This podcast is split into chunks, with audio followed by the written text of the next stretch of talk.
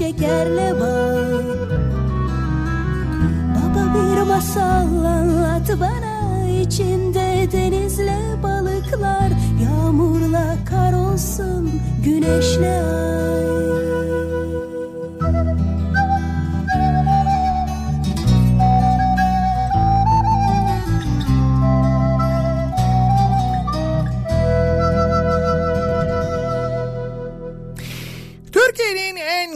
Radyosu'ndan, Kafa Radyo'dan hepinize günaydın. Yeni günün sabahındayız. Hem yeni günün sabahında hem de yeni haftanın başındayız.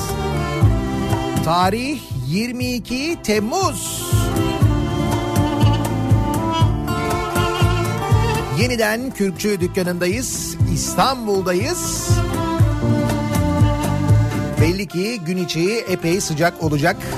Bir İstanbul gününe birlikte başlıyoruz. Nispeten serin bir sabah ama meteorolojinin verdiği bilgiler bu yönde. Havalar ısınıyor hem de bayağı ısınıyor bu hafta itibariyle.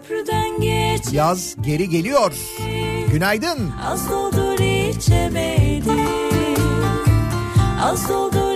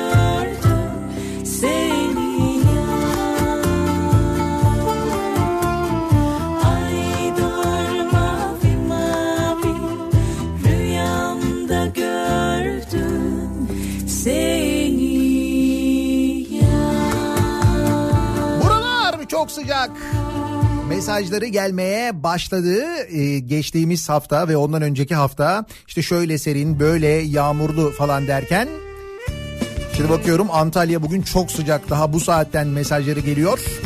Demek ki mevsim normallerine döndük hatta belki mevsim normallerinin bir miktar üstüne de çıkacağız. Bu hafta sıcaklıklarda öyle anlaşılıyor. Ve bu sıcakta henüz tatile, izne çıkmamış olanlar, tatile gitmemiş olanlar, trafikte olanlar ve en çok trafiği yaşayanlar tabii ki İstanbullular. Geride bıraktığımız iki hafta boyunca radyodan sürekli trafik durumunu vermiyor olsam trafikle hiç işim olmayacaktı aslında.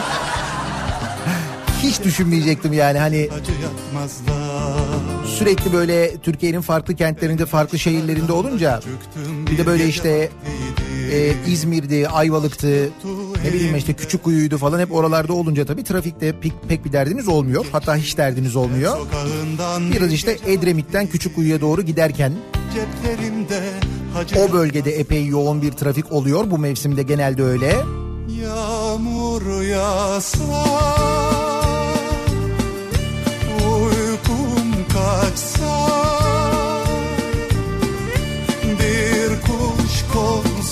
hadi parmağıma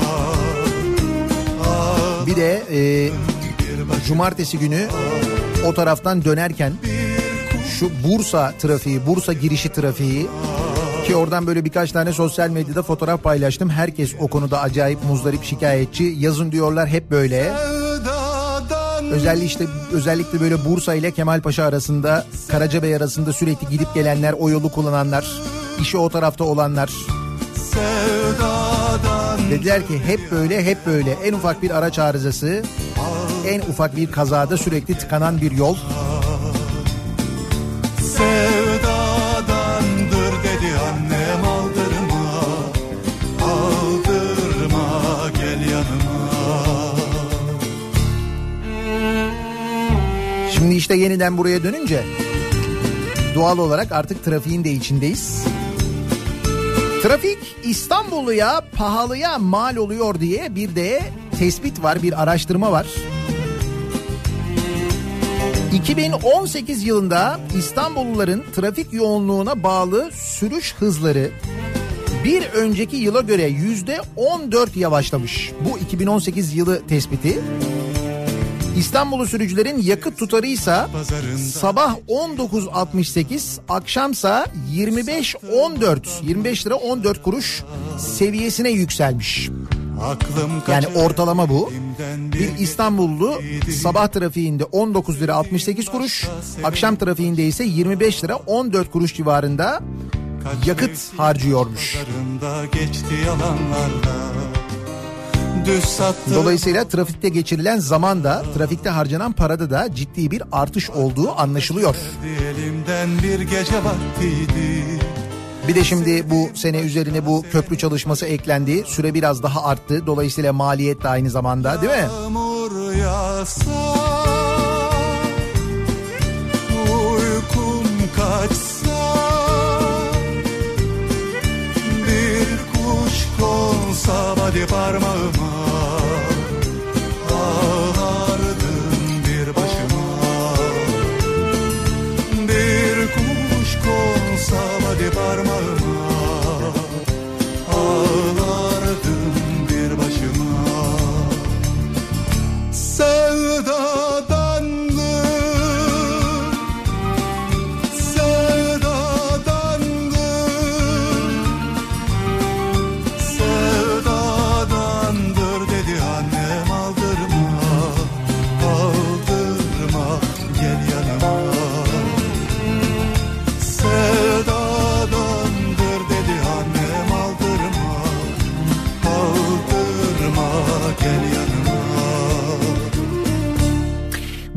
köprüdeki çalışma demişken hem de bu Bursa'daki trafikten bahsetmişken iki tane bilgi. Cuma akşam yayınında ben anlattım aslında. Belki duymamış olabilirsiniz.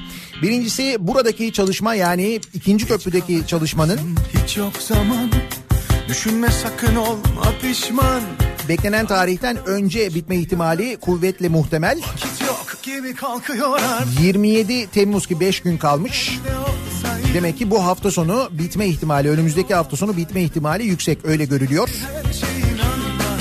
İçeriden bilgi.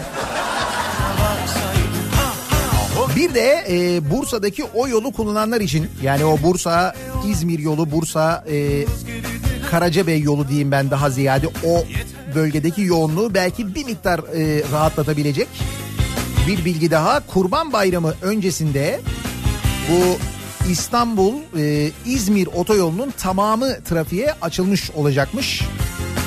Orada da çalışmalar bitmek üzereymiş ki ben geçerken e, epey hummalı bir çalışma vardı. Tabii çünkü ne kadar erken biterse işletmeci o kadar erken para kazanmaya başlayacak. Öyle bir durum da var orada. Yani dolayısıyla Dilovası'ndan İstanbul'dan İzmir'e giderken mesela Dilovası'ndan Körfez Köprüsü'ne gireceksiniz. Ve oradan e, girdikten sonra direkt İzmir'den çıkacaksınız. Bu dolayısıyla o İzmir Bursa arasındaki güzergahı da epey bir rahatlatır diye tahmin ediyorum. Tahmin ediyorum diyorum çünkü tamamının ne kadar olacağı yani İstanbul'dan İzmir'e gidişin köprü dahil fiyatının ne olacağını hala tam olarak bilemiyoruz. Benim bir tahminim var böyle 300 lira ile 400 lira arasında olur diye tahmin ediyorum ben ama köprü geçişiyle birlikte köprü ve otoyolların toplam geçişi öyle bir tahminim var. Net rakamı öğreniriz ama Kurban Bayramı'ndan önce o yolun da tamamı açılacakmış. Öyle bir bilgi de var. Bir damla güneş sonra hep güz Mutlu olmak en büyük varlık Vakit yok gemi kalkıyor artık Ah o gemide ben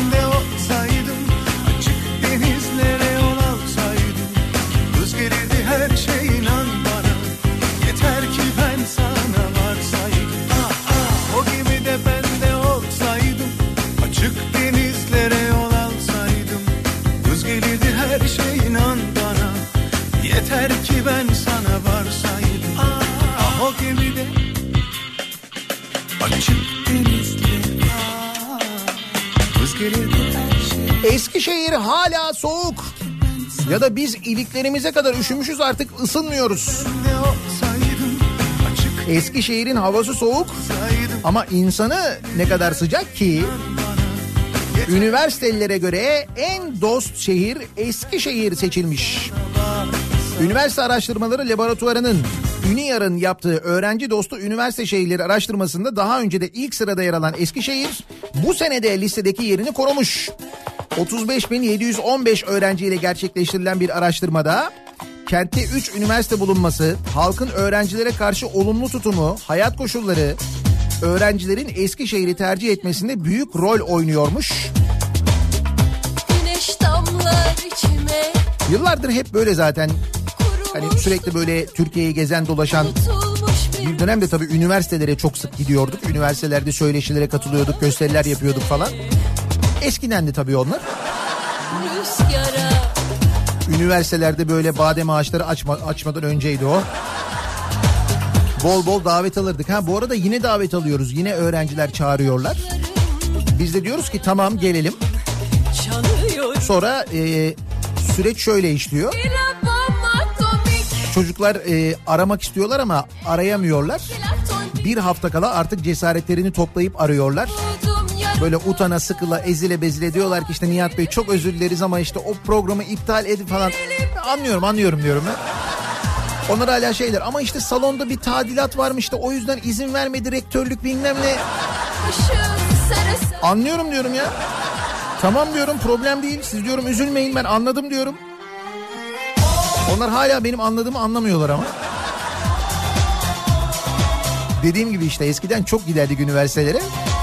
Böyle söyleşiler de falan. O zaman da Eskişehir böyleydi ki herhalde bir 25 yıldır falan ben Eskişehir'e düzenli olarak gidiyorumdur.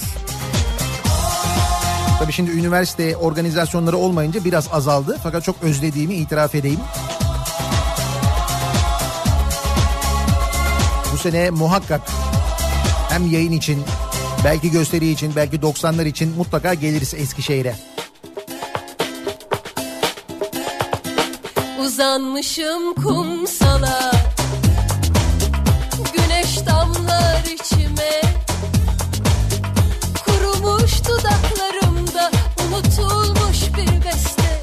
Yaşıyorum ah aheste Kapılmışım rüzgara.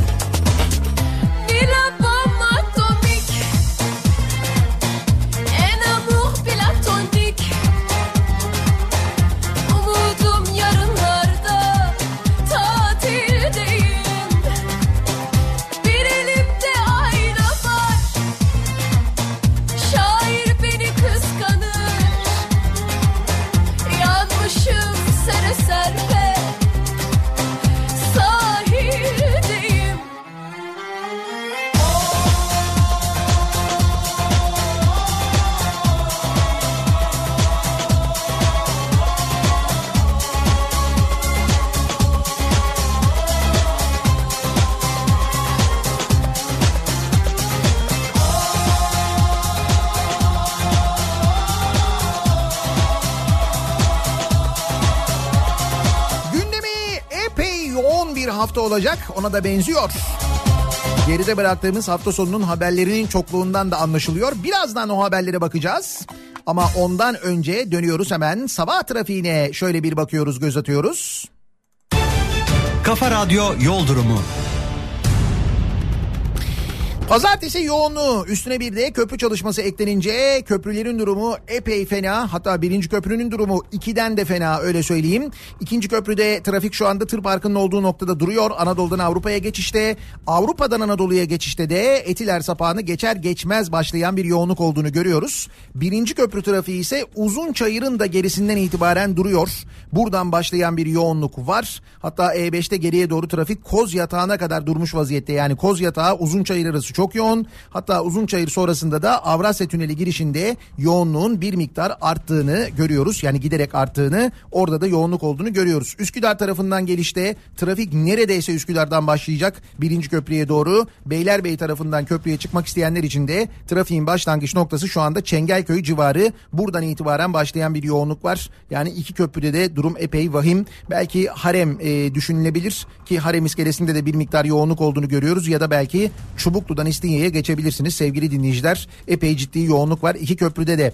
Avrupa yakasında Tem'de Bahçeşehir trafiği de erken başlamış vaziyette. Bahçeşehir'in öncesinde başlayan trafik Tem'de Altınşehir'e kadar sürüyor. Sonrasında hareketli bir trafik var bir sorun yok. E5'i kullanacak olanlar içinse trafiğin başlangıç noktası bu sabah Beylikdüzü. Buradan itibaren başlayan trafik küçük çekmeceye kadar neredeyse kesintisiz devam ediyor. Burada küçük çekmecede yan yolda Florya istikametinde meydana gelen bir zincirleme kaza var. Kazanın da etkisi var. Trafiğin bu kadar şişmesinde tabii ama pazartesi sabahı olmasının da yoğunluğu var. O noktayı geçtikten sonra o zincirleme kazanın olduğu noktayı geçtikten sonra ise E5 trafiği gayet açık Haliç'e gelene kadar bir sıkıntı yok. Haliç trafiği de yavaş yavaş yoğunlaşmaya başlamış vaziyette. Sahil yolunda ise herhangi bir sıkıntı, herhangi bir problem yaşanmıyor. Bir ara verelim. Reklamların ardından yeniden buradayız.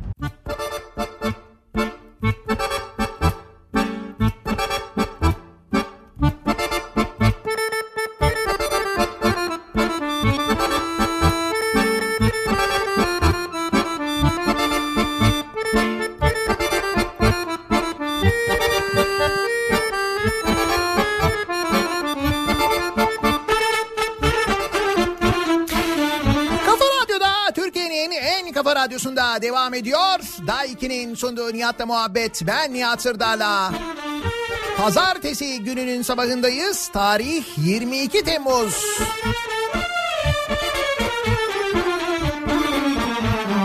Komşuluk ilişkileriyle başlayalım. Dediğim gibi bugün konuşacağımız çok konu var da halkın genelini ilgilendiren toplumun genelini ilgilendiren çok konu var konuşacağımız. Ki bu toplumun geneli mevzusu da ana konumuz olacak. Bu sabahki konumuz, ana konumuz Bursa'dan hepimize hediye. Bursalıların özellikle hediyesi olduğunu söyleyebilirim. Çünkü Bursalıların yaptığı seçim neticesinde bunları konuşuyoruz. Yani Bursalıların eee, büyük bölümünün diyeyim ben. Hoş Bursa'da da seçim böyle bayağı bir çekişmeli geçti. Yarı yarıya diyebileceğimiz noktada çok az bir farkla seçim kazanıldı ama olsun yine de tercih o yönde olduğuna göre Bursalı, Bursalıların hediyesi diyebiliriz. Dediğim gibi önce komşu ilişkileriyle başlayalım.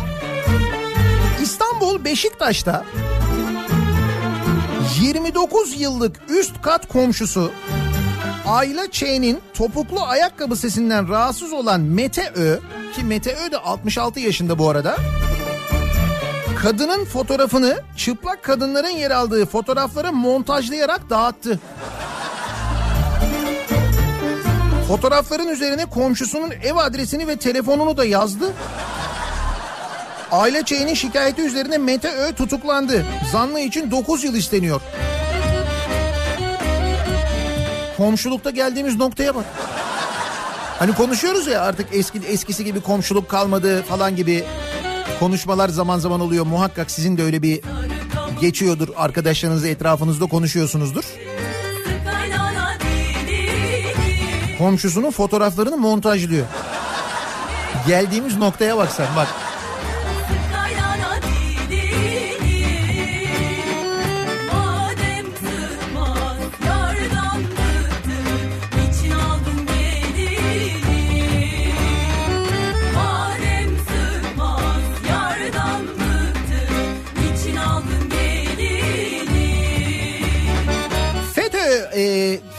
Yataklık ediyorsunuz, yardım ediyormuşsunuz. Biz savcıyız, biz polisiz, biz şuyuz, biz buyuz diyerek kandıranlar ve kandırılanlar konusunda herhangi bir hız kesme yok. Buna dair haberler yine mevcut. İzmir'de kendilerini polis olarak tanıtan dolandırıcılar telefonla ulaştıkları özel dikicinin önce evinde bulunduğunu öğrendikleri 40 bin lirayı 1800 doları ve 20 gram altınını elinden aldı. Dolandırıcılar FETÖ ile korkuttukları kadının bu kez 3 katlı villasını 1 milyon 600 bin liraya sattırdı ve bu parayı da aldı. Benim anlamadığım insanlar bu FETÖ mevzundan bu kadar korkarken bu korkan insanlar için söylüyorum ben. Yani işte siz de işte FETÖ ile ilintiliymişsiniz biz bunu işte e, halledeceğiz falan deyip insanları bu şekilde kandırdıklarına göre insanlar çekiniyorlar değil mi? Hiç mi bu insanlar bu FETÖ'cü oldukları ayan beyan ortada olan tiplerin ortalıkta böyle rahat rahat gezmelerine ne bileyim ben devlet kademelerinde hala görev almalarına, kollanmalarına, dün söylediklerinin bugün hiç böyle konuşulmamasına falan şaşırmıyorlar mı? Ya da bundan hiç etkilenmiyorlar mı bu insanlar? Takip etmiyorlar mı yani?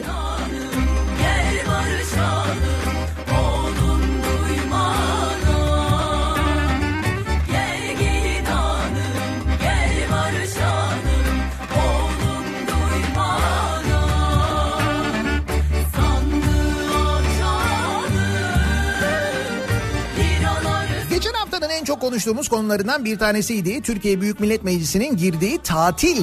Artık meclis tatil biliyorsunuz ki meclisin performansı ile ilgili de bilgiler, rakamlar var elimizde. Geçtiğimiz yasama döneminde kaç gün çalışmışlar, ne kadar tatil yapmışlar, ne kadar verimli olmuşlar. Şimdi onu da konuşacağız ama son gün çıkarttıkları o torba yasa var ya hani içinden bize böyle yurt dışından gelen telefonlara 1500 lira kayıt ücreti çıkan o torba var ya ki ben hep söylüyorum o torbaysa çok tehlikelidir mutlaka içinden bize bir şeyler çıkar diye. Nitekim çıktı da zaten. İşte o çıkanlardan bir tanesi de şu. Yine enayi yerine konduk. Bu torbadan çıkanlarla birlikte. Ne demek e, enayi yerine konduk? Şöyle. Şimdi diyelim ki uzun zamandan beri almak istediğiniz bir otomobil var. Hayalini kuruyorsunuz. Nihayet e, işte artık böyle mali durumunuzu düzeltiyorsunuz ve o arabayı almaya karar veriyorsunuz. Bu söylediğim de bundan böyle bir iki sene falan önce oluyor yalnız. Şimdi bu aralar ekonomik kriz var. Otomobil fiyatları acayip yüksek zaten vergileri öyle. Ki mesela bundan 3 sene önce 4 sene önce böyle bir şey oldu. Bir araba almaya niyetlendin. Çok da böyle hayalindeki araba krediyi mrediyi falan da ayarladın. Bayide bakıyorsun arabanın satış fiyatı diyelim. Diyelim 500 bin lira. Öyle bir arabadan bahsediyoruz. Tam böyle arabayı alacaksın bir arkadaşın diyor ki oğlum diyor ne gerek var ya 500 bin liraya benim diyorsun galerici bir arkadaşım var. E işte o diyor galerici arkadaşım diyor getiriyor diyor yurt dışından diyor. Onu diyor bir şekilde hallediyorlar diyor böyle araba ikinci elmiş gibi geliyor sıfır ama diyor. E sen 500 bin liraya alacağını 350 bin liraya alıyorsun arabayı. Sen diyorsun ki ya olur mu diyorsun öyle ya? Kaçakçılık o ya boş ver olmaz ben girmem o işe falan diyorsun. Yasa dışı sonra diyorsun arabaya bir şey olur bir şey olur falan. Gidiyorsun 500 bin lirayı veriyorsun alıyorsun arabayı. Ö- vergisini, ÖTV'sini bilmem nesini her şeyini. Net ödüyorsun bayiden alıyorsun. Ama o arkadaşın gidiyor 350 bin liraya alıyor arabayı. Sonra bir bakıyorsun bir operasyon yapılmış bir şey olmuş. Arkadaşının arabasına polis el koyuyor. Yakalanıyor bu işte galericiler kim yapıyorlarsa bunu işte bu yurt dışından bu arabayı böyle getirenler usulsüz davrananlar falan. Arkadaşına diyorsun ki ya bak gördün mü işte benim gibi yapacaktın oğlum dürüst olacaktın 500 bin lirayı ödeyecektin alacaktın. Arkadaşın da sana böyle bıyık altından gülüyor. Ne gülüyorsun lan? Abi konuşuruz sonra ya. Şimdi önümdeki haberi okuyorum. Oto kaçakçılığına af. İmar ve vergi aflarının ardından hükümet kaçak motorlu taşıtlara da af getirdi. Kaçakçılıkla mücadele kanununa eklenen bir maddeyle kaçak 40 bin araca af geldi. Senin o arkadaşın arabasına da yani. Vergi uzmanı Doktor Ozan Bingöl 400 bin liralık araç için 236 bin lira vergi ödenmesi gerekirken sadece 30 bin lirayla aracın yasal hale geleceğini belirtti. Yani sen 400 bin liralık bir araba arabaya 236 bin lira vergi ödeyip alırken ki ben 500 diye çok böyle hani iyimser yine konuşmuşum. 150 bin lira fark diye. Senin o arkadaşın 30 bin lira ceza ödeyecek ve arabayı alacak. Nasıl? Boogie karavan, boogie karavan, Gördüğün gibi torbanın içinden bize yine ne kadar da enayisiniz canım. Maddesi meclisten geçmiş. Biz vergisini tam ödeyenler yine ödediğimizde kaldık yani.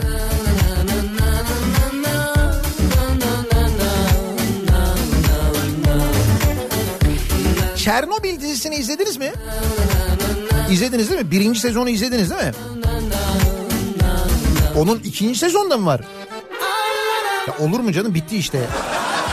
Tek şeydi o yani öyle tek sezondu. Ya tek sezon derken işte mini dizi diye geçiyor onlar. Ama ikincisi pekala bizde olabilir öyle görünüyor. Yerli yapım.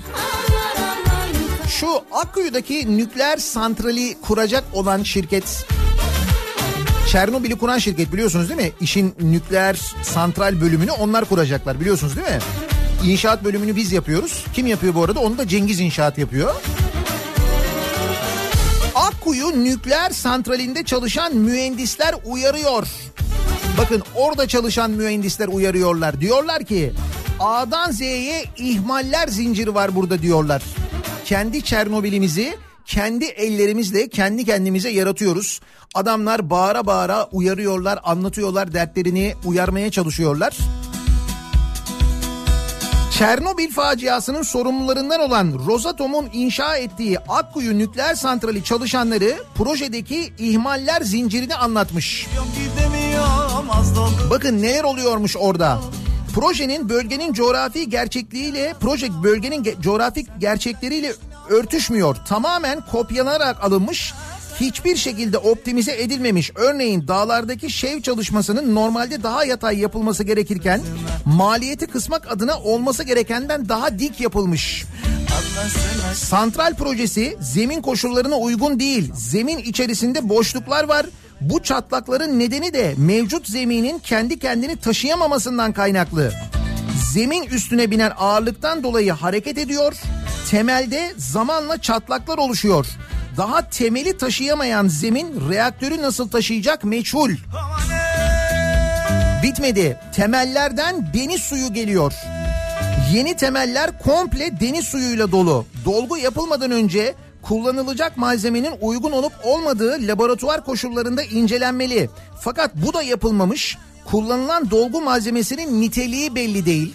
Sen bana varacaksan Dökümanları inceleyecek, işleyecek yetkinlikte hiçbir personel yok. Böyle bir projenin çok ciddi mühendislik ekibiyle yürütülmesi gerekiyor. Ancak yeterli sayıda mühendis bulunmuyor. Var olan mühendisler konuya hakim değil.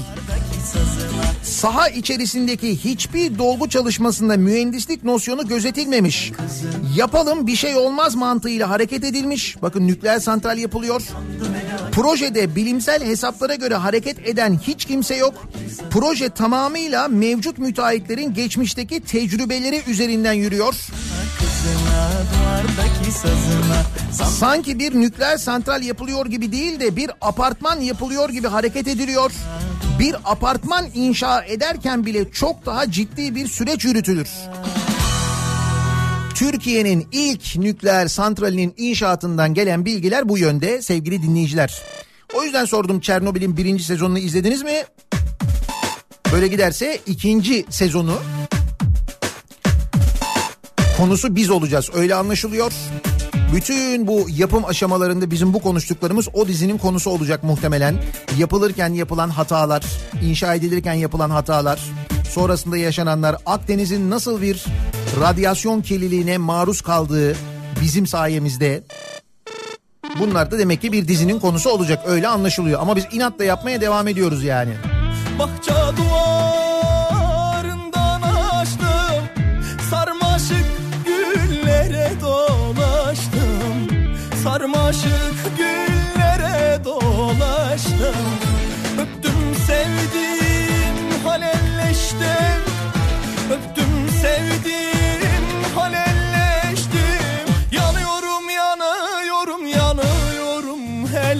arada az önce konuştuğumuz o otomobil kaçakçılarına af mevzu, çıkan torba yasa ve Türkiye Büyük Millet Meclisi'nin tatile çıkmadan önceki Ekim'e kadar tatile gittiler biliyorsunuz.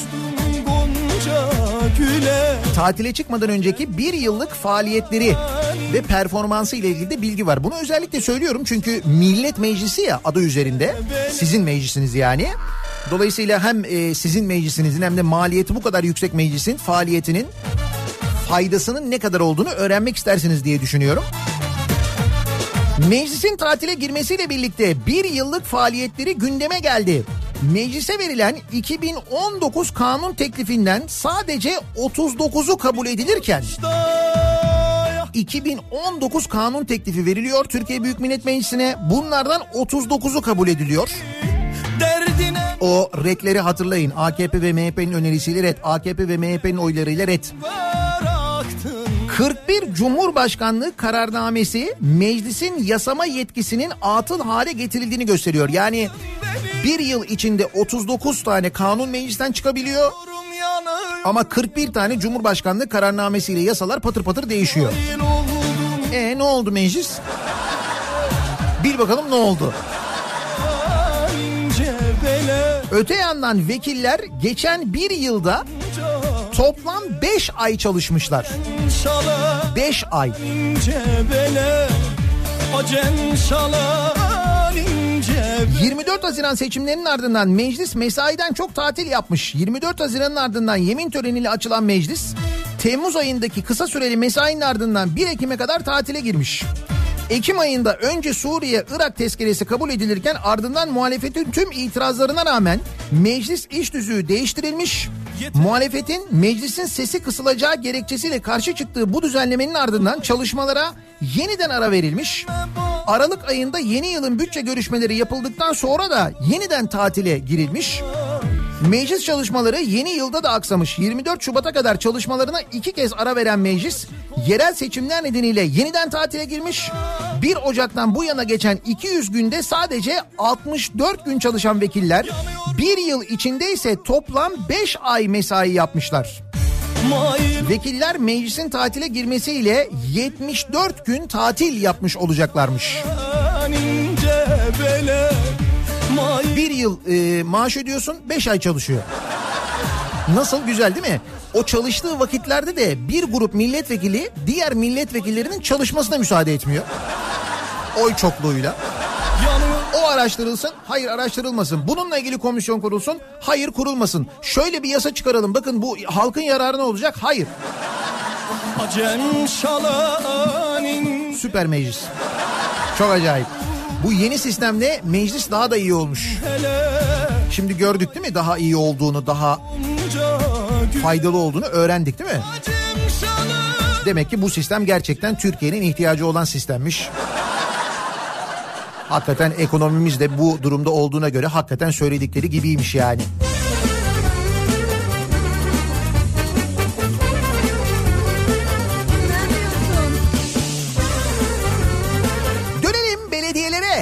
Belediyelerden gelen haberlere.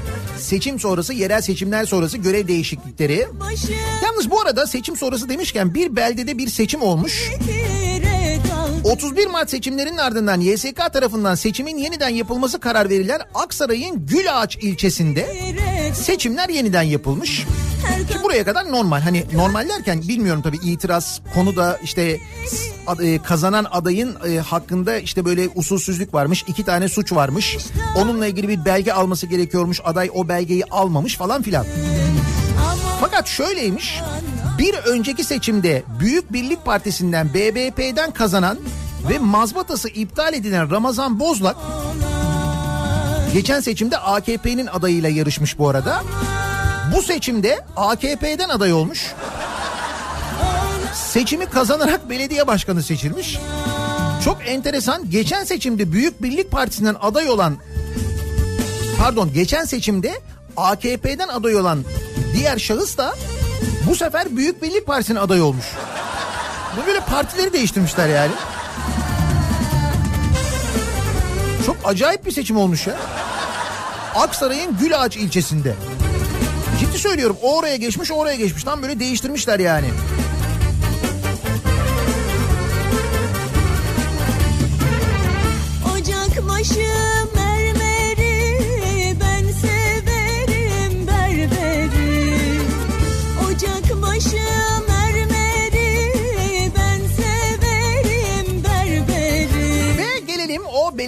İcraatlarına.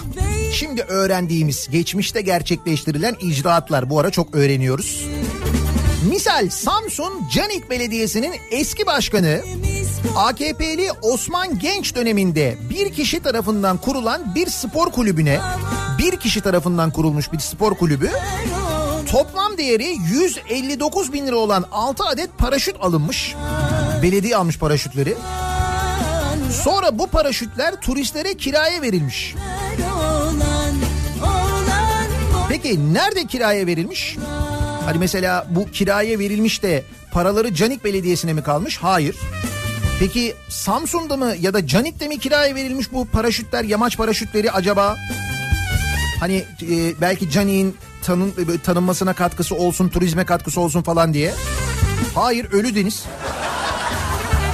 Lan ne alaka? EÇ diye biri var. Canik Belediyesi 6 tane paraşüt oluyor. Adam gidiyor Ölü Deniz'de onu turistlere kiralıyor.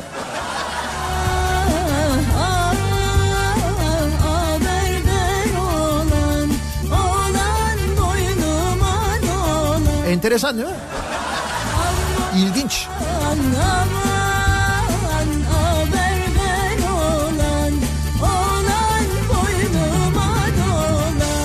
arada bunları yapan tabii bu belediye şimdi bunlara müsaade ediyor. Bu paraşütleri alıyor adama veriyor. Adam da bu arada bir sefer e, şey yapmış. Orada böyle bir yamaç paraşütü festivali düzenlemiş. Bir de bunun üzerine 20 bin lira almış. Canik'te. Sonra paraşütlerle birlikte gitmiş. Neymiş? EÇ'ymiş bunun ismi. Bu EÇ aynı zamanda Atakum ilçesinde de AKP'li İshak Taşçı döneminde belediyeye 50 bin liraya paramotor aldırmış. Adam bunu da almış. 2015 yılında kulüp başkanlık seçimlerini kaybedince paraşütleri ve paramotoru alarak gitti. Bu Atakum löp et değil miydi ya? Bir de löp etler vardı hani löp et alınmıştı kaybolmuştu. Nerede bu löp et diye soruyorduk. Löp etler paramotorla gitmiş bence. Kısa mutluluklar Ne kadar sevdiğimi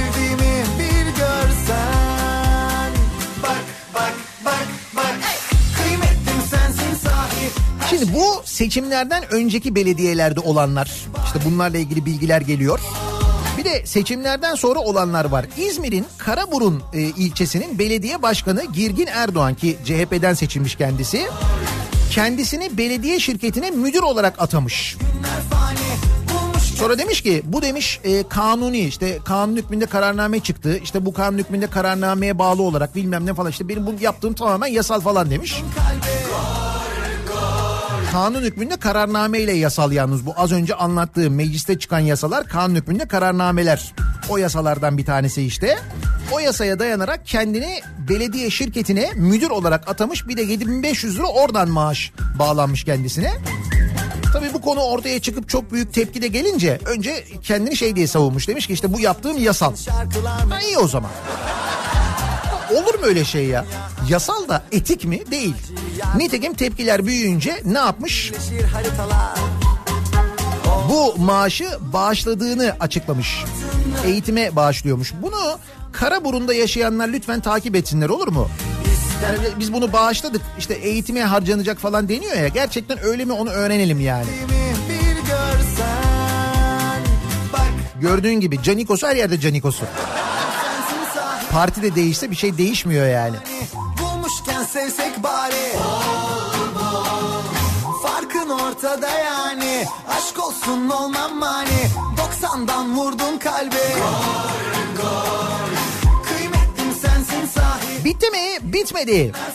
Bir de tabii İstanbul var. Şimdi pastanın büyüğü İstanbul'da olduğu için zaten o yüzden kıyamet koptu. İstanbul'da yeniden seçimler yapıldı. Öyle bir para var ki İstanbul'da o parayı, o gücü kaybetmeyi kimse istemedi tabii. O kadar istenmedi ki. Düşün işte yaşadıklarımızı. Nitekim Ekrem İmamoğlu İstanbul Büyükşehir Belediye Başkanlığı'nı kazandıktan sonra belediyenin şirketleri, belediye bütçesinin büyük bölümünü yöneten şirketler ve bu şirketlerin yönetimleri görevi bırakmadılar, görevlerinden ayrılmadılar biliyorsunuz.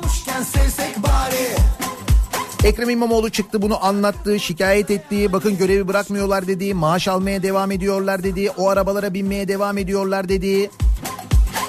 Ha bak bu arada o arabalar demişken, o arabalar demişken şöyle bir haber de var. Dur onu da ben söyleyeyim size. Güzel güzel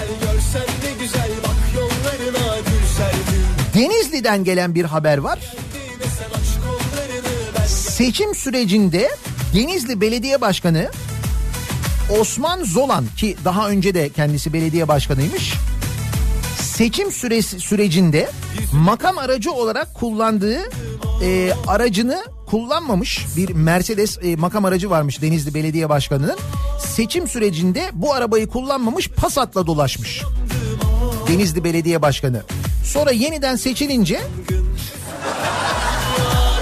herhalde Mercedes bakımdan dönmüş. Yeniden o arabayı kullanmaya başlamış. Ya muhtemelen Denizliler de bu durumun farkındalardır diye düşünüyorum ben. Farkında oldukları için zaten herhalde yeniden seçmişlerdir.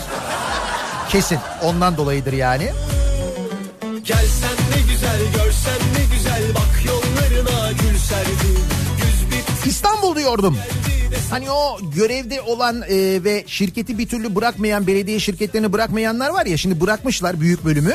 Yalnız bırakmadan önce neler yapmışlar? 2.2 milyon liralık ihaleyi verip görevi bırakmış mesela Kültür AŞ. Belediye şirketi 23 Haziran seçimlerinden önce 18 Haziran günü malzemeli yemek pişirme, servis etme ve servis sonrası hizmetler almak için ihale düzenlemiş. Kültürel yemekler herhalde. Kültür AŞ ya.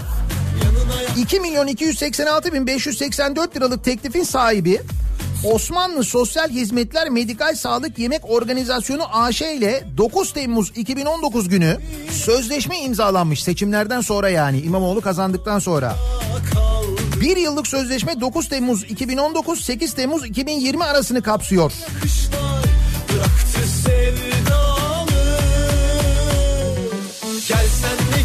Gitmeden önce bir iki buçuk milyon. gül serdim Güz bitti bize yaz geldi desen aşk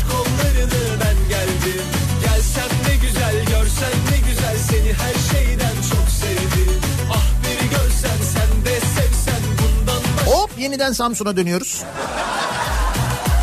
Samsun'da neler olmuş öyle ya? İlçe ayrı, merkez ayrı. Samsun Büyükşehir Belediye Başkanı AKP'li Mustafa Demir belediyede yeni görevlendirmeler yapmış. Demir eski başkan Zihni Şahin'in birlikte çalıştığı daire başkanları ve müdürlerinin birçoğunu değiştirmiş. Yeni isimler İstanbul, Kocaeli ve Malatya'dan getirilerek göreve başlatılmış. Samsun'a. Hey Samsun'u biliyorlarsa Gelsen ne güzel görsen ne güzel seni her şeyden çok Mustafa Demir yıllardır korumalığını yapan Fatih Karaçoru daire başkanı başka korumasının eşi Melike Aktel Karaçoru da basın danışmanı olarak atamış. Ay. Demek ki eski sistemde bir değişiklik yok. Eskisi gibi çalışılmaya devam ediyor. Şimdi geliyoruz Bursa'ya. Bursa'nın belediye başkanı, yeni belediye başkanı aslında bir önceki belediye başkanı hatırlarsanız taca çıkınca hatırlıyorsunuz değil mi? Melik Gökçek, Kadir Topbaş, Bursa Belediye Başkanı bunlar böyle bir neydi? Recep Altepe'ydi değil mi? Bir önceki belediye başkanı. Görevi kendi istekleriyle bırakmışlardı hesapta. Sonra yerine İnegöl Belediye Başkanı olan bu arkadaş gelmişti. Sonra seçimlerde de aday oldu ve bu seçim çalışmaları sırasında hatırlarsanız Uğur Mumcu için, Türkan Saylan için, Bahriye Öçok için vatan haini isimler demişti. Hatırladınız mı bu Ali Nur Aktaş'ı? Heh. Ve sonra ne oldu? Sonra Bursa Belediye Başkanı seçildi kendisi. Bursalılar kendisini seçtiler. Ona daha çok oy verdiler. Hoş Bursa seçimlerinin iptaliyle ilgili de çok uğraşıldı. Ee, bir sürü usulsüzlük olduğu tespit edildi. Ama buna rağmen Yüksek Seçim Kurulu karar vermedi bu yönde. O da ayrı bir kenarda dursun hakkınızda. Neyse bu Bursa Belediye Başkanı seçildi. Seçildikten hemen sonra yaptığı icraatlardan bir tanesi ulaşım kartına zam yapmaktı. Öğrenci abonman kartı aylık ücreti 90 liradan 100 liraya yükselmişti. Hatırladınız mı? Böyle zam gelmişti. Diğer şehirlerde indirim olurken öğrencilere bu tepki almıştı. Şimdi geçtiğimiz gün Bursa Belediye Meclis toplantısı düzenleniyor ve bu belediye meclis toplantısında Kurban Bayramı'nda toplu ulaşımın ücretsiz olmasını öneriyor Bursa Belediye Başkanı. Bunun üzerine CHP diyor ki e, 30 Ağustos Zafer Bayramı'nın da eklenmesini istiyor. Diyor ki Kurban Bayramı'nda evet ücretsiz olsun ama 30 Ağustos Zafer Bayramı'dır. 30 Ağustos Zafer Bayramı'nda da toplu ulaşım ücretsiz olsun Bursa'da önerisi geliyor. Belediye Meclisi'nin CHP'li üyelerinden. Ve buna Bursa Belediye Başkanı şöyle cevap veriyor. Diyor ki 30 Ağustos halkın genelini ilgilendiren bir bayram değil. O zaman ormancılık gününü de tatil yapalım diyor. 30 Ağustos için söylüyor bunu. 30 Ağustos Zafer Bayramı için söylüyor bunu. Bursa Belediye Başkanı. Bu sözler üzerine tabi belediye mecliste tartışma çıkıyor. Sonuçta 30 Ağustos'ta toplu ulaşımın ücretsiz olması teklifi kabul ediliyor. Fakat 30 Ağustos'un halkın genelini ilgilendiren bir bayram olmadığını söyleyen bir Bursa Belediye Başkanı'nın var olduğu ve Bursa'yı bu kafanın yönettiği gerçeği suratımıza böyle tokat gibi vuruyor. Bilmiyorum tabii Bursalılar ne düşünüyorlar konuyla ilgili sosyal medyadan da sordum ben. Bursalıların ne dediğini asıl tabii merak ediyoruz biz ayrı da. Bu toplumun genelini ilgilendiriyor mevzu. Önemli bir mevzu. Daha doğrusu toplumun genelini ne ilgilendiriyor ne ilgilendirmiyor. Asıl bunu merak ediyoruz değil mi?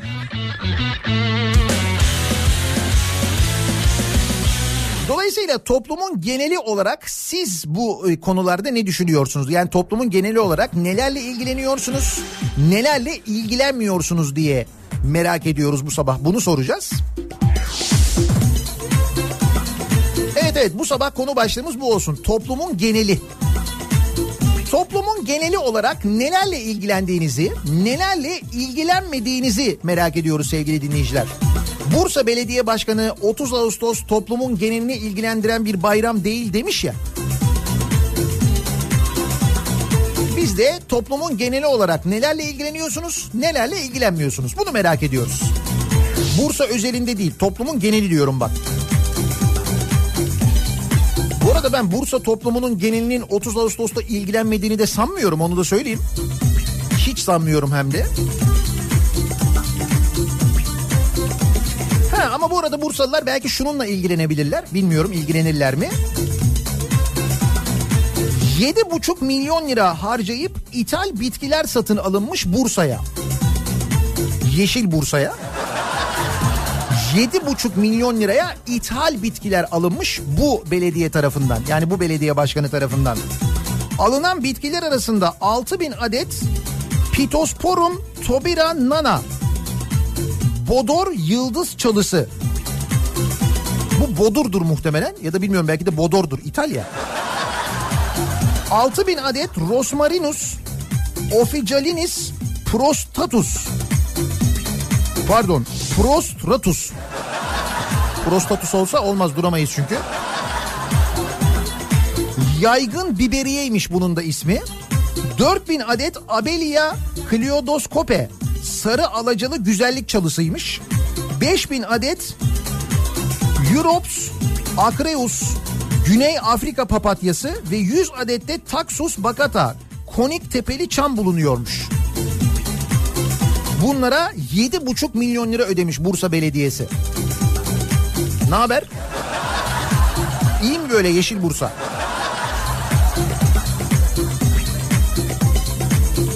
Şimdi mesela bu 7,5 milyon liralık bitkiler toplumun genelini ilgilendirmiyor olabilir. Bu Bursa'yı ilgilendiren bir konu çünkü toplumun geneli değil. Ama toplumun geneli nelerle ilgileniyor acaba diye merak ediyoruz soruyoruz. Sosyal medya üzerinden yazabilirsiniz. Nelerle ilgileniyor nelerle ilgilenmiyor toplumun geneli. Toplumun geneli bu sabahın konusunun başlığı. Twitter'da böyle bir tabelamız böyle bir hashtagimiz var. Sosyal medya üzerinden yazıp katılabilirsiniz yayınımıza. Facebook sayfamız Nihat Sırdar fanlar ve canlar sayfası. Buradan yazıp gönderebilirsiniz mesajlarınızı. Bunun yanında aynı zamanda nihatetnihatsırdar.com elektronik posta adresimiz ve bir de WhatsApp hattımız var. 0532 172 52 32 0532 172 52 32 buradan da yazıp gönderebilirsiniz mesajlarınızı. Toplumun geneli. Bu sabahın konusunun başlığı toplumun genelini ne ilgilendiriyor ne ilgilendirmiyor acaba diye soruyoruz. Reklamlardan sonra yeniden buradayız. Türkiye'nin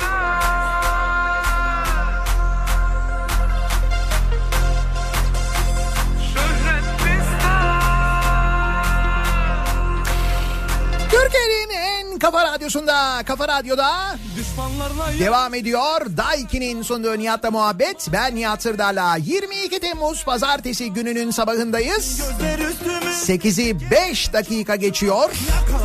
Ve para bizde, şöhret bizde.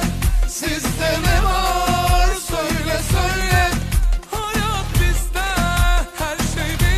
kere paranın bizde olduğunu bir kez daha öğrendiğimiz bir sabah yapılan harcamalar, bir önceki belediyeler döneminde yapılan harcamalar, paraşütler, paramotorlar.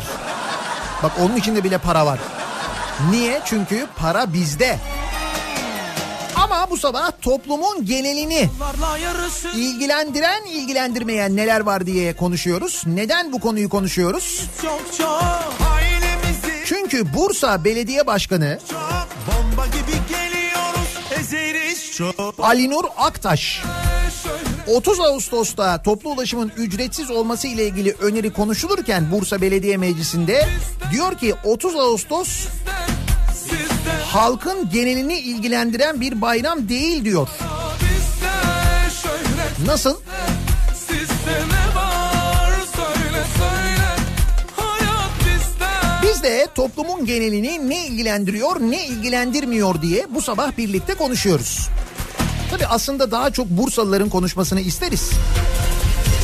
Onların konuyla ilgili fikri ne diye öğrenmek isteriz ayrı da.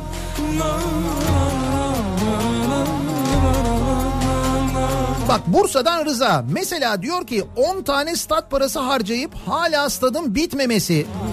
Bursa'nın göbeğine hıyar gibi dikilen TOKİ konutları, katledilen Yeşil Bursa. Bizim toplumun genelini hiç ilgilendirmiyor diyor. Bence de ilgilendirmiyor. İlgilendirse bu hale getiren, Bursa'yı bu hale getiren bu yönetimin devamını Bursalılar yeniden seçer miydi?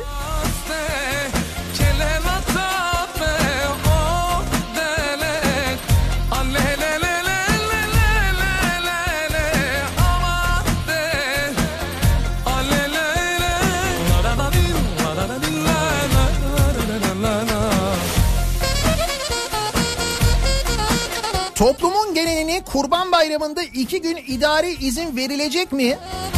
Bir de Bodrum'daki beach kulüplerde neler oluyor? Bence bunlar ilgilendiriyor demiş bir dinleyicimiz. Bir düşünelim evet. Beach kulüplerde acaba lahmacun fiyatları ne durumda? Hangi parti nerede düzenleniyor? Hangi beach daha kalabalık oluyor? Hangisi daha piyasa, hangisi daha az piyasa? Bunları ilgilendiriyor değil mi? Toplumun genelini.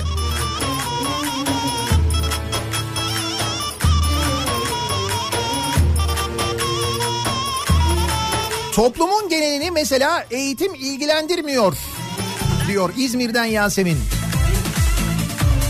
Şu anda tatiliz ya ne eğitimi?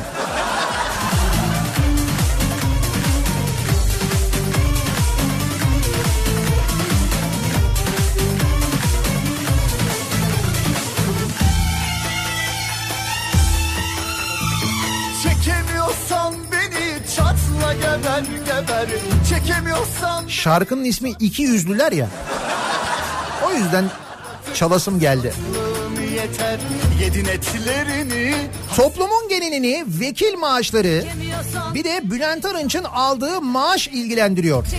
Ama işte edepsiz olduğumuzdan ilgisiz kalıyoruz. Yok canım ilgisiz kalmıyoruz. İlgi gösterdiğimiz için bu konulara zaten edepsiz oluyoruz ya. yeter İyilikçiyim de şeker gibiyim Fenalığa fenalıkta zehir gibiyim İyilikse iyilik de şeker gibiyim Fenalığa fenalıkta kayıt bedeli, yurt dışından getirilen cep telefonlarının kayıt bedeli toplumun genelini ilgilendirmiyor. E keyfi vergi yine de olsa. Değil mi? Bana ne kardeşim ben getirmiyorum ki yurt dışından versin 1500'ü. Ne olacak? Bu arkadaşa buradan cep telefonu alırken ödediği vergileri bir hatırlatabilir miyiz? Yani yurt dışından getirmese de burada aldığı cep telefonunun da dünyada satılan en pahalı cep telefonları olduğunu, bunun da sebebinin üstüne konulan vergiler olduğunu, cep telefonu alırken mesela TRT'ye para ödediğini, ha toplumun genelini ilgilendirmiyorsa, tabii yani.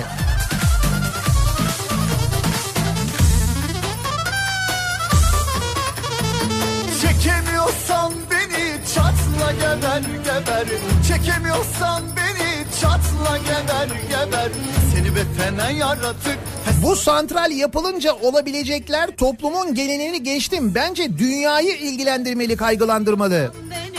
Az önce okudum ya bu Akkuyu nükleer santralinin inşaatında olanlar. Çernobil'in ikinci sezonu bağıra bağıra geliyor söyleyeyim. Ve bizim topraklarımızda olacak hem de o felaket. Düşünebiliyor musunuz? İyilikçiyim de şeker gibiyim. Fenalığa fenalıkta zehir gibiyim. İyilik de şeker gibiyim. Fenalığa fenalıkta Çernobil 2 bizi ilgilendirmiyor. Biz A haberi Erkan Tan'ı izlemeyi tercih ediyoruz toplumun geneli olarak. Valla reytinglere baktığın zaman öyle görünmüyor ama... Hepsini topluyorsun topluyorsun. O kadar kanal satın alınmış havuzun içine konulmuş bir sürü adam bağırıyor çağırıyor falan. Hepsini topluyorsun. Beni görünce Bir tane mesela karşı taraftaki kanal etmiyor. Bir tane etmiyor. İşe yaramıyor yani. Kaldı ki Erkan Tan da zorunlu izinde bildiğim kadarıyla. Be yavrum. Ama döner merak etmeyin. Sizde. Nankörlük sizde. Ali Nur Aktaş'ın ne dediği Bursa'nın genelini ilgilendirmiyor diyor. Erdal göndermiş. Çünkü kendisini e, Ali Nur Aktaş engellemiş. He. Gönül uyandırıyorum Mide bulandırıyorum E kimin başına Tabii ki benim başıma Sayıştay denetimi dışı paralar toplumun genelini ilgilendirmiyor. Sayıştay'ın denetleyemediği paralar. Çünkü Sayıştay zaten kaç kişiyi ilgilendiriyor ki? Öyle diyor Gonca evet. Neymiş bu 1.2 milyar lira biliyorsunuz değil mi? Hani bu bir turizm tanıtım fonu kurulacaktı yeni. Bu torba yasanın içinde o da çıktı biliyorsunuz kuruldu. Dediler ki işte bunu kim denetleyecek? Denetleyecek kimse yok. Yok dediler işte öyle olmaz merak etmeyin denetlenecek. Biz oraya bir madde koyduk değiştirdik değiştirdik. Meğer yalan dolanmış. Orada toplanacak olan 1.2 milyar liranın harcaması ile ilgili de doğru düzgün bir denetim olmayacakmış meğerse. Canım para bizde. 1.2 milyar dediğin nedir ki Allah sen?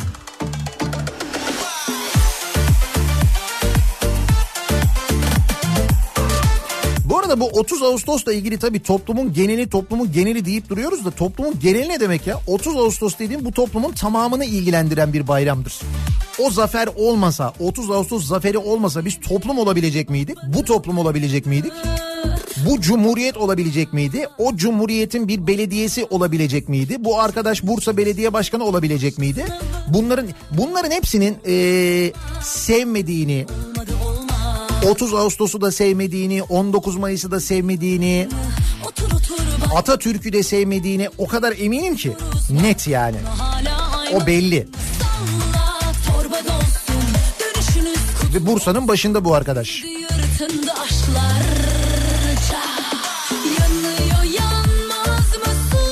Toplumun geneli olarak zaten adımız gibi bildiğimiz, andığımız milli bayramlarımızla ilgili ayak oyunları yapmaya çalışanlarla çok ilgilenmiyoruz.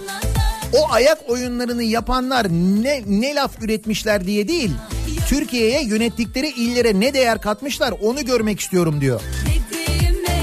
İşte bunu görmek istiyorsanız o arkadaşların Bursa'ya ne kattığını gittiğiniz zaman Bursa'nın girişinden böyle baktığınızda Bursa Ovası'nda görüyorsunuz zaten. Tam böyle Bursa'nın ortasında böyle langa salatalığı gibi duran binalar var. Gidin onları görürsünüz. Çok net görünüyor. Bursa'nın her yerinden görünüyor yani.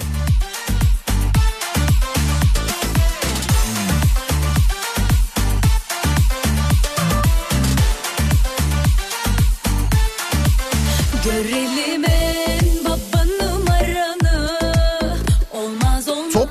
Geneli dünyanın en fazla çalışıp en az kazanan kısmını oluştururken sayın vekillerimizin yılda 5 ay çalışması gerçekten dünya ülkesi olduğumuzun kanıtı değildir de nedir? diye soruyor Hüseyin. Evet geçen yasama döneminde toplam 5 ay çalışmış Türkiye Büyük Millet Meclisi. Nasıl?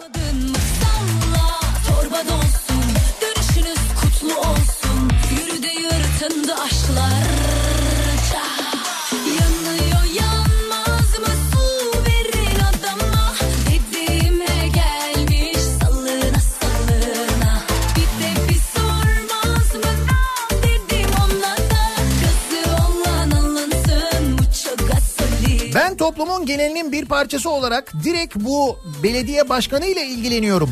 Dediğime 30 Ağustos'ta Zafer Bayramı kutlamalarının merkezinin de mümkünse Bursa olmasını istiyorum demiş bir dinleyicimiz. Zannediyorum Bursalılar belki bu sene biraz daha bir coşkuyla kutlarlar. Ya da bilmiyorum kutlarlar mı biz ne yaptık diye acaba şu anda dövünüyorlar mıdır? Bilemedim çünkü başlangıçta bu tür icraatlar Bursa'nın bundan sonra nasıl yönetici, yönetileceği ve nasıl hizmet alacağı ile ilgili de aynı zamanda biraz ipucu veriyor olabilir mi?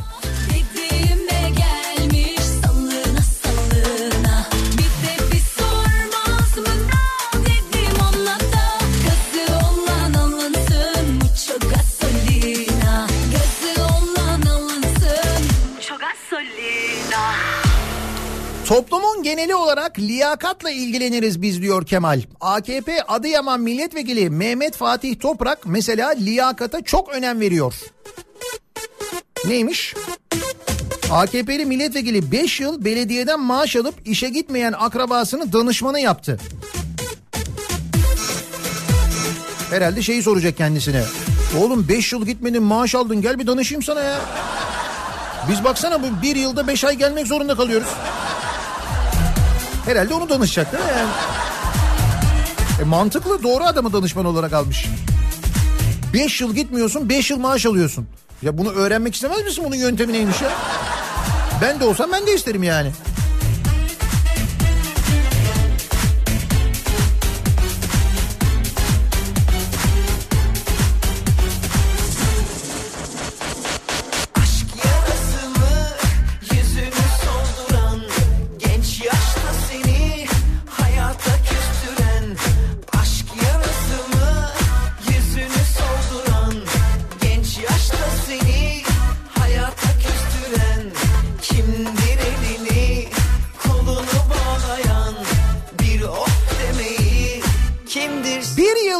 Dün de 10 liraya aldığım 5 litre süt bugün 17 lira 50 kuruş oldu.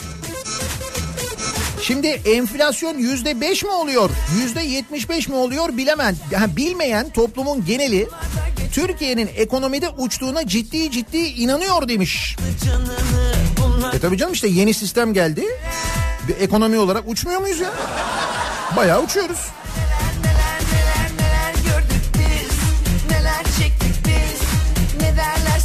Desinler Bunlar da geçer Her gün metil alkol kaynaklı ölüm haberleri geliyor ama toplumun genelini ilgilendirmiyor.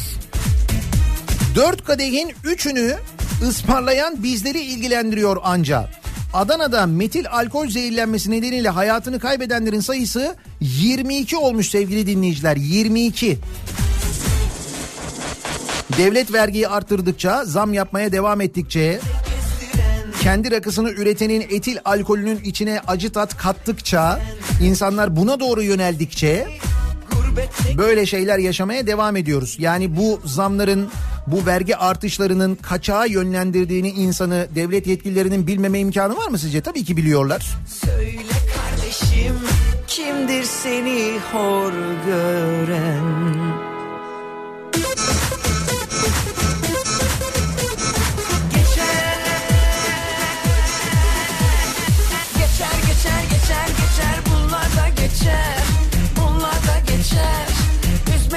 Toplumun geneli bitik.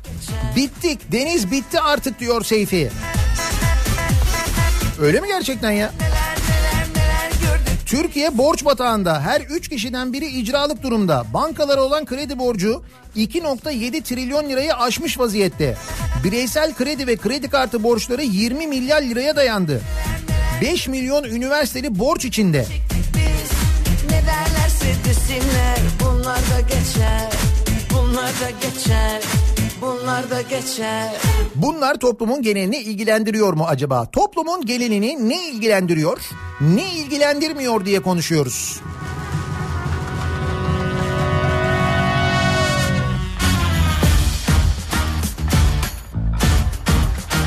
Oo. Bursa Belediye Başkanı'nın eee, FETÖ'cülerle maklubeye kaşık çalarken fotoğrafı var. bağladı. Toplumun genelini ilgilendirir mi? Hiç ilgilendirmez söyleyeyim sana. Yani geçmişte bu Fethullahçılarla bir arada olması, onlarla birlikte gezmesi, tozması, yemek yemesi, onların organ- organizasyonlarına katılması falan ilgilendirir mi? E şimdiki Denizli Belediye Başkanı işte yeniden seçilen Denizli Belediye Başkanı var ya demin konuştuk. Hani seçim çalışmaları sırasında Passat'a binen şimdi yeniden Mercedes'e dönen. O belediye başkanının Türkçe olimpiyatlarında yaptığı bir konuşma var. Hey! Toplumun genelini ilgilendiriyor mu? Hiç.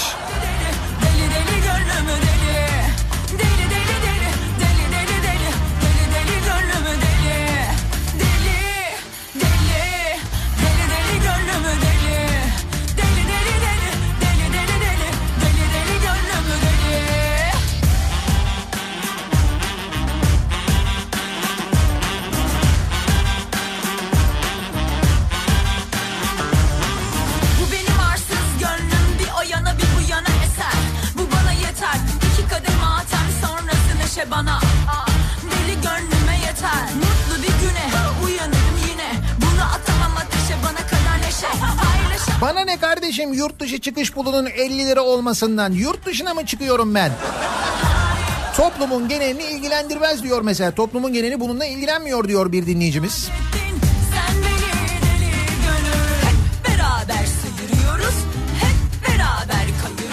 Doların yükselmesi, benzine gelen zamlar toplumun genelini ilgilendirmiyor. Hem nasıl olsa dolar borcu yok hem de devamlı 50 liralık benzin alıyor toplumumuz çünkü. Tabii tabii 50 liralık alıyoruz. En son ne zaman gidip 50 liralık koydunuz? 50 lira deyince böyle bir pompacı böyle bir müstehsi bakıyor. 50 mi? 50'de ibre oynamıyor artık ya.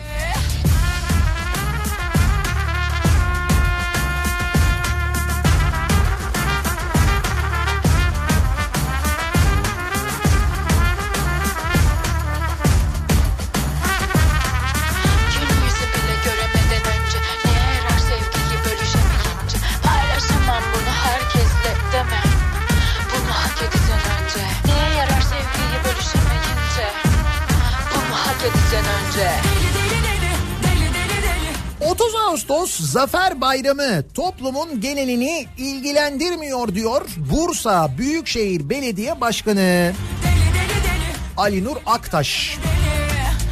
Belediye meclis toplantısında söylüyor. Bayağı kamera görüntüleri var ya. Biz de toplumun genelini ne ilgilendiriyor, ne ilgilendirmiyor acaba diye bu sabah konuşuyoruz. Toplumun geneli bu sabahın konusunun başlığı. Reklamlardan sonra yeniden buradayız.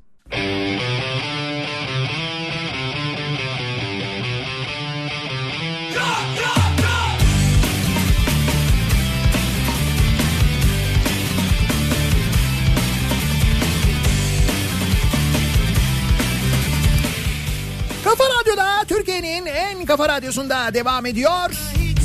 Daiki'nin sunduğu Nihat'la muhabbet. Ben Nihat Sırdar'la pazartesi gününün sabahındayız. 8.30'u geçtik. Toplumun genelini ilgilendiren, ilgilendirmeyen konularla ilgili konuşuyoruz. Bu konuya nereden geldik? Bursa Büyükşehir Belediye Başkanı'nın açıklamasından geldik. 30 Ağustos bayramının 30 Ağustos Zafer Bayramı'nın toplumun genelini ilgilendirmeyen bir bayram olduğunu söylemiş. O zaman demiş ormancılık gününü de bayram yapalım. Ormancılık günüyle 30 Ağustos'u bir tutuyor kafaya bak. Kafamı tarih bilgisi mi ne diyeceksin bilmiyorum da. O zaman diyor ormancılık gününü de bayram yapalım. O günü de diyor bedava yapalım toplu ulaşımda diyor. 30 Ağustos ormancılık günü. Biz de dolayısıyla toplumun genelini ne ilgilendiriyor ne ilgilendirmiyor diye dinleyicilerimize soruyoruz.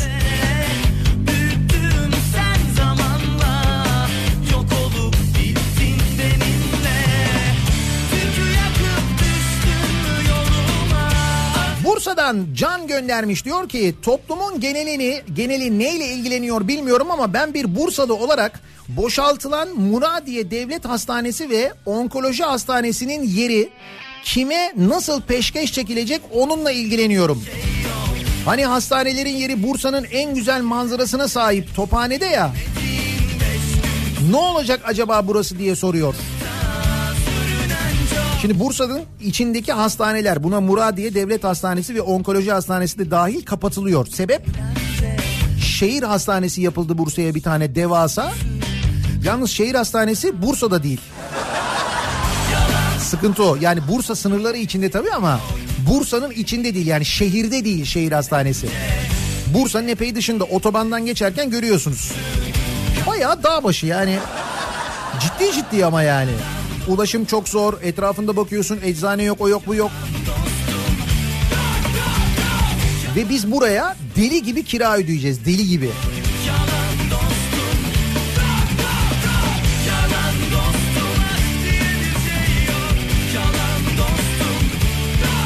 Toplumun geneli Bursa Büyükşehir Belediyesi'nin borçlarıyla da ilgilenmez herhalde. Kiraladığı ambulansların 500 bin liralık borcunu ödemediği için icralık oldu da kendisi diyor.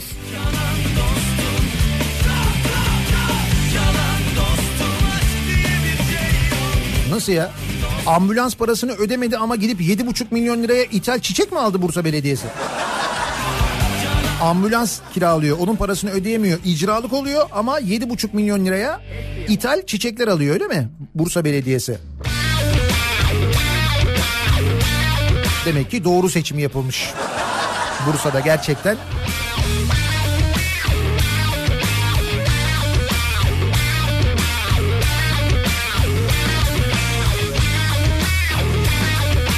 Gaziantep'te toplumun geneli biz belediyemizin Türkiye'nin en borçlu belediyesi olup da şehir merkezinde yolların delik deşik olmasıyla hiç ilgilenmiyoruz.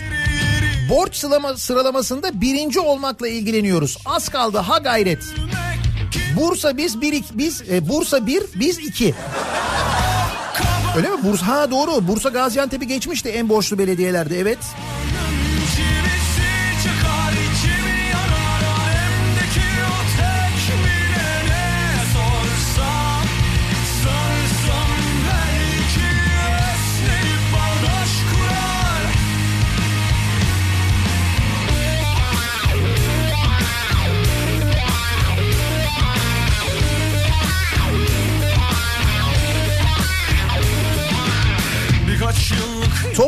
Mesela kadın cinayetleriyle ilgilenmiyor diyor Elif. Onun yerine saat kaçmış, kadının üstünde ne varmış, alkollü müymüş gibi daha can alıcı noktalarla ilgileniyor. Toplumun geneli değil mi? Çıkar yanar sorsam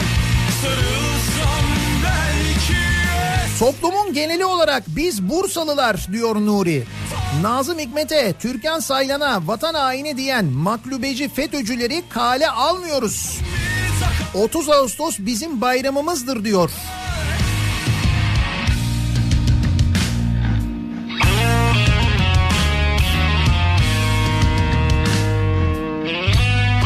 Şu geçiş taahhütlü olan köprü ve tüneller ilgilendirmiyor mu bu toplumun genelini acaba? En son rakam 3 milyardı. Hazineye yani hepimize yükü. İlgilendiriyor, ilgilendiriyor. Geçiyoruz işte. Geçiyoruz, geçiyoruz, geçiyoruz ki daha az ödeyebilelim diye.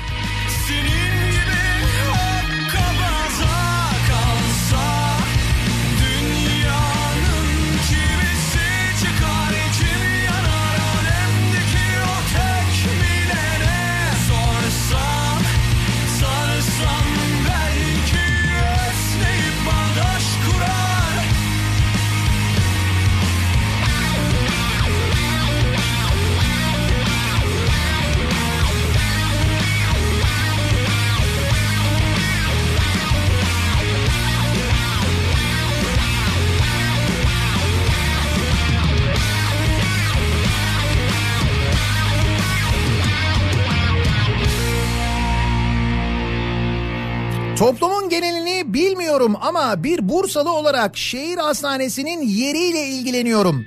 Bursa'nın neredeyse bütün hastanelerinin kapatılıp toplu taşımanın bile olmadığı bir yere rant uğruna hastane yapılması ihanetin daniskasıdır diyor. Bursa'dan dilek göndermiş. hep İşte onu söylüyorum.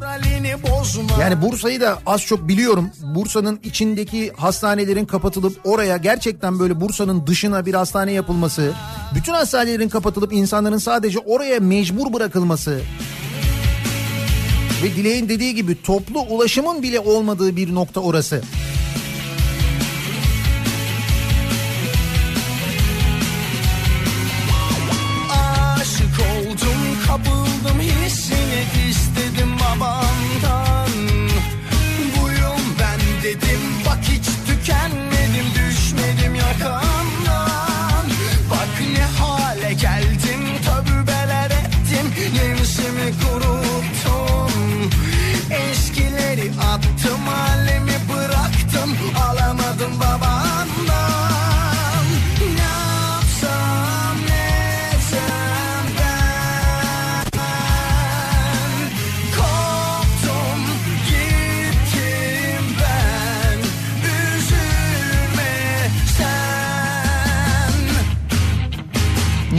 Zararlarını anlatmaya çalışsak da gördüğüm kadarıyla radyasyon toplumun genelini ilgilendirmiyor. Her gün radyasyon alanından çıkarmaya çalıştığımız hasta yakınlarının bir kısmı biz alışkınız radyasyona diyerek çıkmıyor. Bir kısmı biz söyledikten sonra dışarıda bir tur atıp geri geliyor. Bir kısmı inadına çocuğunu içeri sokuyor. Radyasyondan kaçıp dışarıda bekleyen hasta sayısı bir elin parmağını geçmiyor. Hale Radyasyon neymiş ya? Görmüyoruz ya. Aslında işte bu Çernobil dizisini herkese bir izletebilsek o Çernobil'de neler olduğunu insanlar bir görseler izleyerek görseler çünkü oku deyince olmuyor okuyarak öğrenilmiyor Türkiye'de mümkün değil onu izleyecekler Çernobil gibi böyle öyle bir dizi şeklinde izleyecekler bir de dizi olduğu için daha da çok izlenir o şekilde bir izleseler, bir görseler Çernobil'de neler olduğunu en başından en sonuna, insanların bundan nasıl etkilendiğini, neler yaşadıklarını, o radyasyonun insana neler yaptığını. O zaman acaba şu Akkuyu'da olanlara, şu anda Akkuyu'da yaşananlara, bu Akkuyu ile ilgili haberlere bu kadar duyarsız olur mu insanlar? Sanmıyorum. O zaman toplumun genelini daha çok ilgilendirir bence.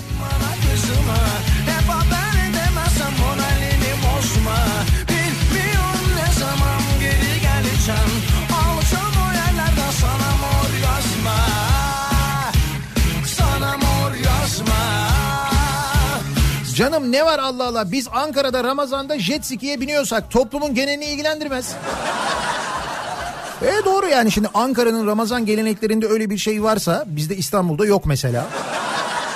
O kadar da deniz meniz falan var aslında bizde. Bizde niye öyle bir şey yok da Ankara'da var o da ayrı bir mevzu ama gerçekten de bizi çok ilgilendirmiyor bu durumda değil mi?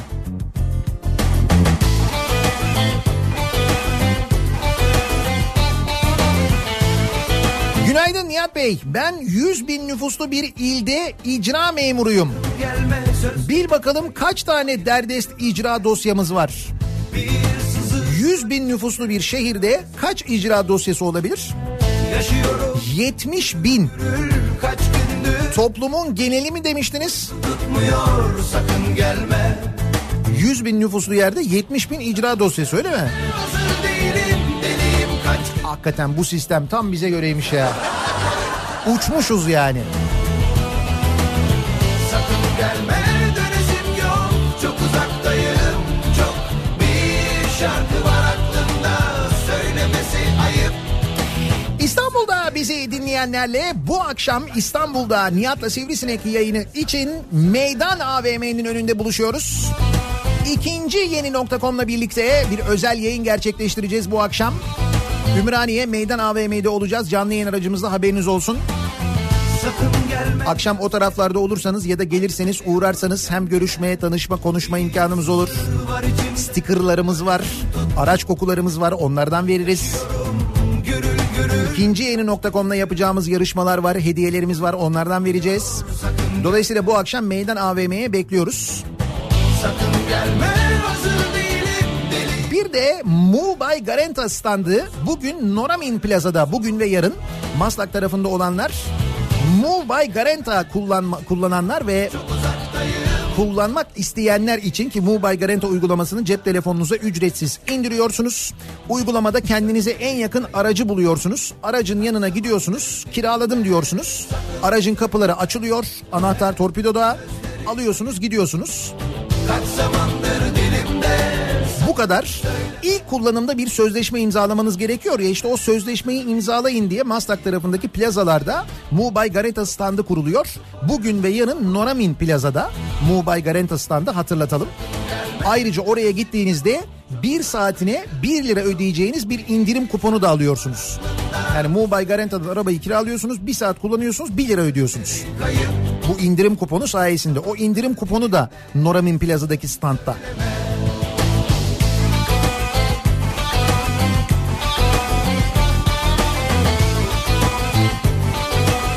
Toplumun geneli bu sabahın konusu. Toplumun genelini ne ilgilendiriyor, ne ilgilendirmiyor acaba diye konuşuyoruz. Reklamlardan sonra yeniden buradayız.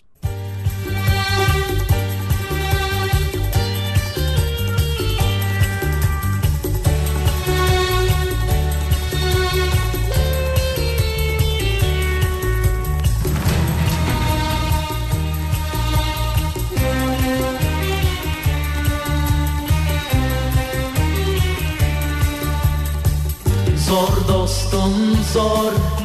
Sevilmeden sevmek Onu bir başkasının Yanında görmek. Zor dostum zor. Gülerken ağlamak Sevip sevip sonunda Yabancı olmak. Sev seni seveni nedir bileni Arama hiç boşuna Bırakıp da gideni Sev seni seveni Aşk nedir bileni Arama hiç boşuna Bırakıp da gideni Zor dostum zor Sevilmeden sevmek Onu bir başkasının Yanında görmek. Zor dostum zor Gülerken ağlamak. O aşk dolu günleri Ardından bakmak Kafa Radyo'da Türkiye'nin en kafa radyosunda devam ediyor. Daiki'nin sunduğu Nihat'la muhabbet. Ben Nihat Sırdar'la 22 Temmuz Pazartesi gününün sabahındayız. 9'a yaklaşıyor saat. Toplumun gelenini ne ilgilendiriyor, ne ilgilendirmiyor acaba diye konuşuyoruz. Bu konuyu bize armağan eden Bursa Büyükşehir Belediye Başkanı Ali Nur Aktaş. Dostum 30 Ağustos Zafer Bayramı Türkiye'nin genelini ilgilendiren, toplumun genelini özür dilerim, toplumun genelini ilgilendiren bir bayram değil. O zaman ormancılık gününü de bayram yapalım demiş. dostum zor 30 Ağustos Zafer Bayramı'nda toplu ulaşım ücretsiz olsun önerisi gelince bunları söylemiş. Şimdi biz de toplumun genelini ne ilgilendirir ne ilgilendirmez diye soruyoruz. Mesela bu Ankaralıları ilgilendirir mi? Geçen hafta haberi vardı. Melik Gökçek e, neredeyse hiç uçuş yapmayan helikoptere 1.7 milyon lira ödemiş Ankara Büyükşehir Belediyesi'nde. Sev seni seveni Aşk nedir Mutlaka mutlaka onun da jet ski gibi bir açıklaması vardır. Belki Ramazan eğlenceleri için alınmıştır. Belki öyle bir şeydir bilmiyorum. Siz Ramazan'da nasıl eğleniyorsunuz Ankara'da ya? Jet skiler, helikopterler falan. sevmek Onu bir başkasının Birazdan Kripto Odası başlayacak. Güçlü Mete Türkiye'nin ve dünyanın gündemini sizlere aktaracak, anlatacak. Bu akşam 18 haberlerinden sonra yeniden bu mikrofondayım. Daha doğrusu o mikrofondayım. Canlı yayın aracımızdaki mikrofondayım. Ümraniye'de Meydan Alışveriş Merkezi'nden yayınımızı bu akşam gerçekleştiriyoruz. Sivrisinek'le birlikte oradayız, bekleriz. Yeniden görüşünceye dek hem güzel bir gün hem de mutlu bir hafta geçirmenizi diliyorum. Hoşçakalın.